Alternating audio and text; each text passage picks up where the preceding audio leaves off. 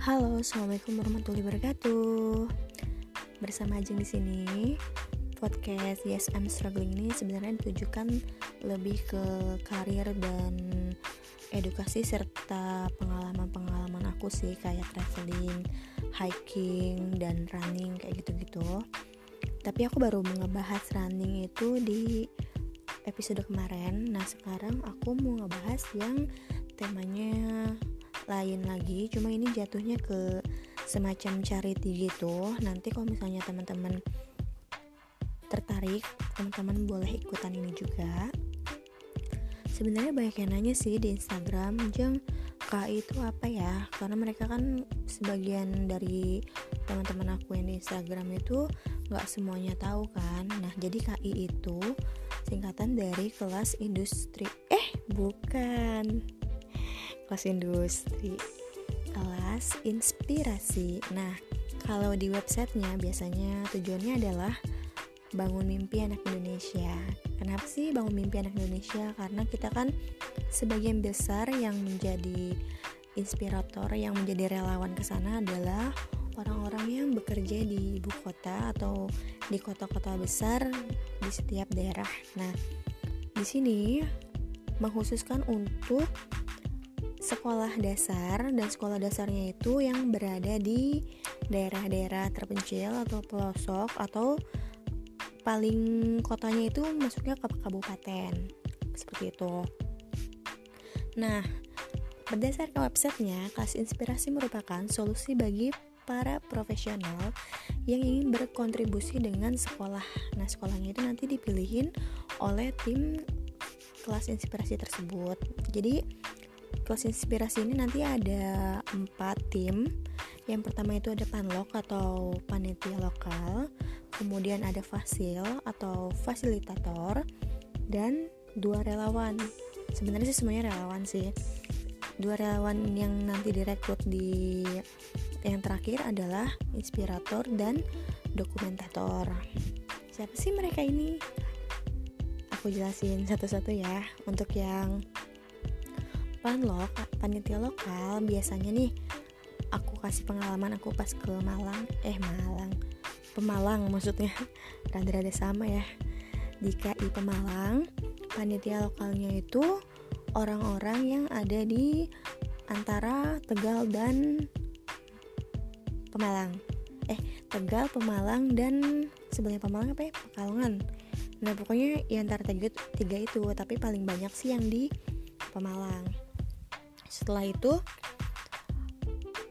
mereka itu berkontribusi untuk menyediakan tempat kita untuk apa namanya tempat kita untuk transit homestay atau di homestay Hamin satu sebelum hari inspirasinya. Nah kalau kemarin sih aku waktu datang ke Pemalang kan jam 5 pagi tuh aku tuh sampai dijemput sama panloknya di sana. Pokoknya orang Pemalang tuh baik-baik banget aku acungin jempol sih. Jadi aku waktu kemarin dijemput jam 5 pagi terus aku mau datang ke homestay homestay yang pertama.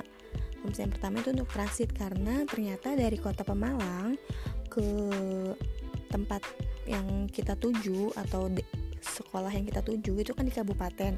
Butuh waktu sekitar 40 sampai 1 jam dari kota. Nah yaudah kita istirahat dulu di situ. Kemudian jam 1 ada yang nganterin lagi dari situ ke uh, lokasi tujuan. Nah di sana kita disediain namanya homestay. Ya homestaynya itu ya rumah dari panlok-panlok ini kayak gitu Kemudian ada yang namanya fasil. Nah, fasilitator adalah yang berkontribusi untuk memfasilitasi kita para inspirator dan dokumentator. Misalnya informasi-informasi mereka yang akan membagikan kepada kita sebagai inspirator dan dokumentator. Kemudian ada yang namanya inspirator. Inspirator biasanya aku ikut yang jadi inspirator. Siapa sih inspirator itu yang punya pekerjaan minimal 2 tahun sebagai apa pun, pekerjaan apa, profesi apa pun. Nah, nanti untuk menjadi inspirator kita kan harus mendaftar. Mendaftar ini ada websitenya nanti biasanya setiap Instagram kelas inspirasi ngasih kita link untuk daftar di, di sana kita ditanya-tanyain kenapa pengen ikut kenapa uh, pengen ngajar anak SD atau apa. Pokoknya setiap lokasi kelas inspirasi itu beda-beda pertanyaannya seperti itu. Kemudian untuk dokumentator dokumentator biasanya yang dicari itu yang bisa video sama uh, foto. Jadi nanti misalnya satu sekolah nanti videografer sama fotografernya tuh ada satu minimal satu satu kayak gitu. Biasa sih 2 sampai 3 sampai 4 ada yang 4 sih. Kalau inspirator paling sedikit kalau nggak salah 6 atau 7 bisa lebih dari 10 juga.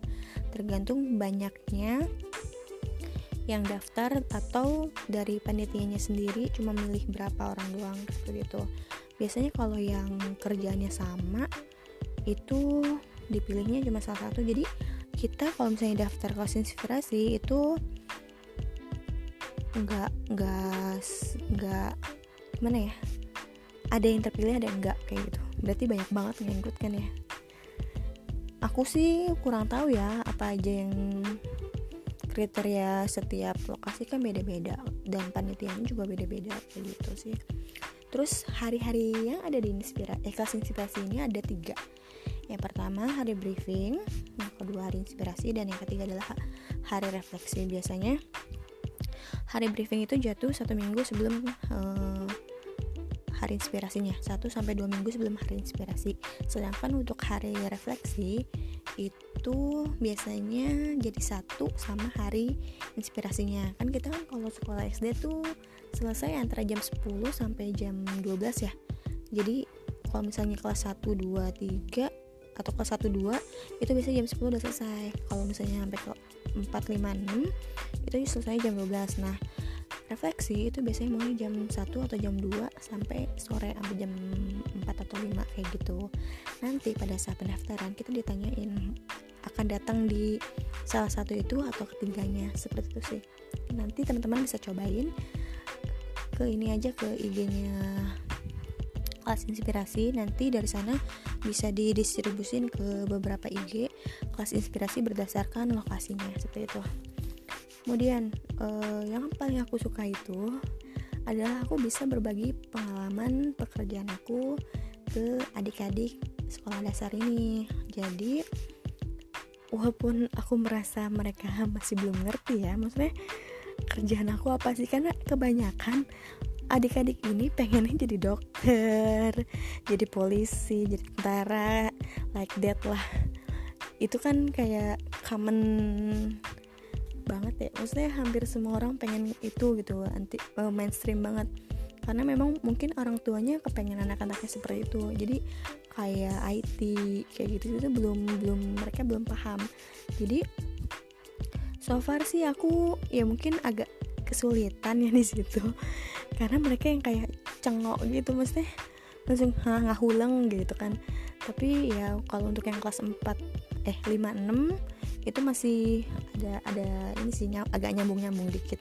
Kalau anak kelas satu kan kayak hmm apa sih kak? gitu. What are you talking about? Kayak gitu sih. Kayak aku juga krik krik krik ya. Jadi kalau misalnya untuk yang kelas 1 sampai kelas 3 aku tuh dari awal biasanya cuma perkenalan ya dikit doang gitu maksudnya kalau aku jelasin panjang-panjang juga mereka akan pusing sendiri. Nah aku biasanya ngajakin main. Jadi mainnya itu main yang teredukasi. Jadi nggak sembarangan aku ngasih permainan kayak gitu kan.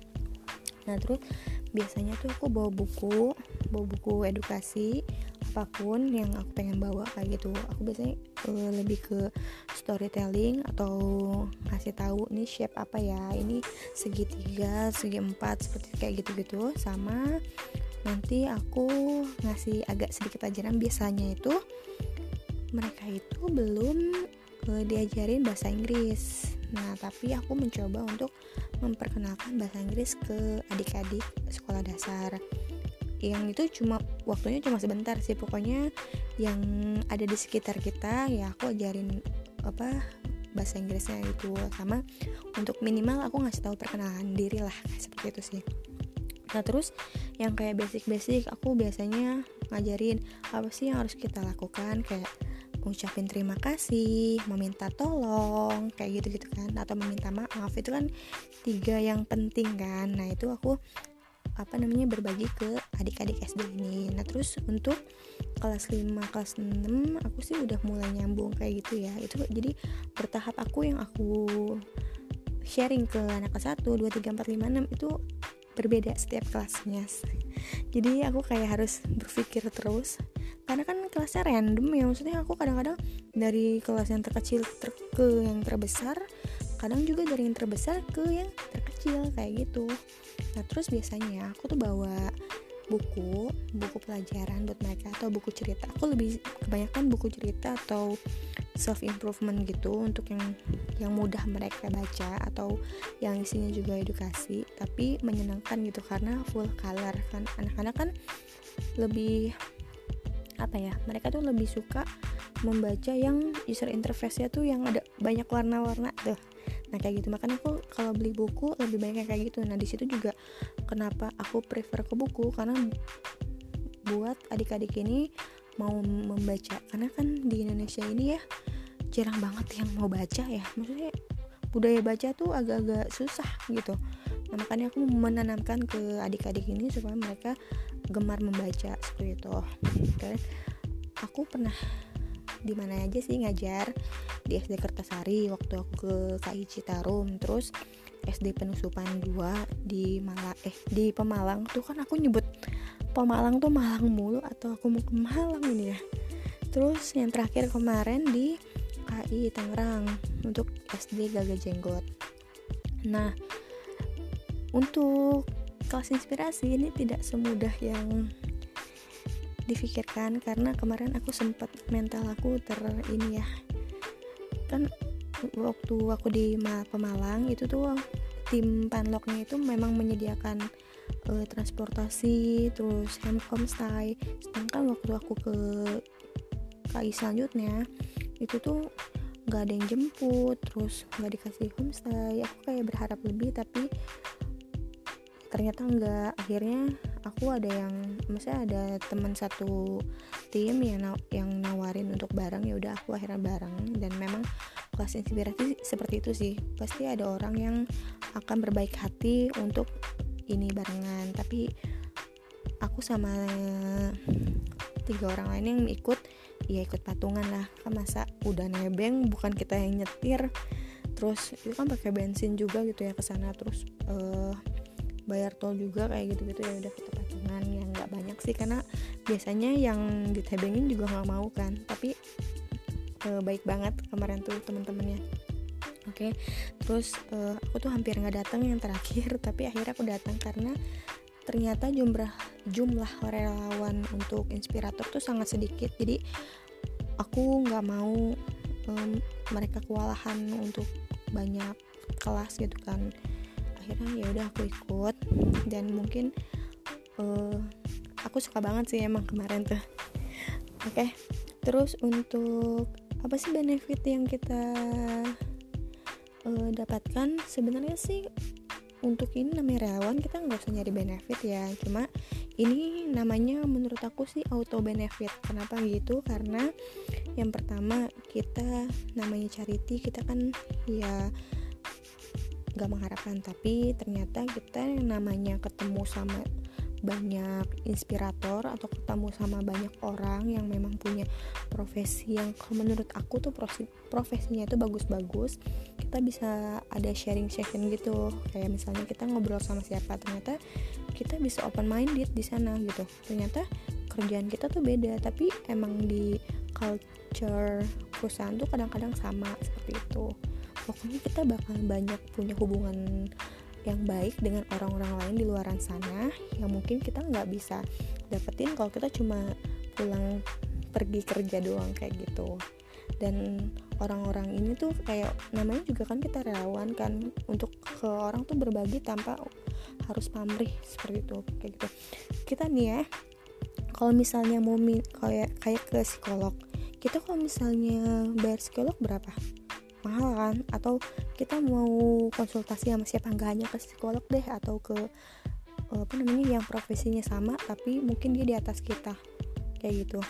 Ya itu kan pasti kita akan segan ya. Tapi kalau misalnya kita ketemu sama orang-orang yang memang uh, apa bawaannya tuh pengen berbaik hati tanpa pamrih yang tadi aku bilang tadi itu nggak usah bayar. Karena kita sal saling gitu saling kayak saling melengkapi aja. Aku ngasih pengalaman aku mereka ngasih pengalaman mereka. Kita tuh berbagi gitu.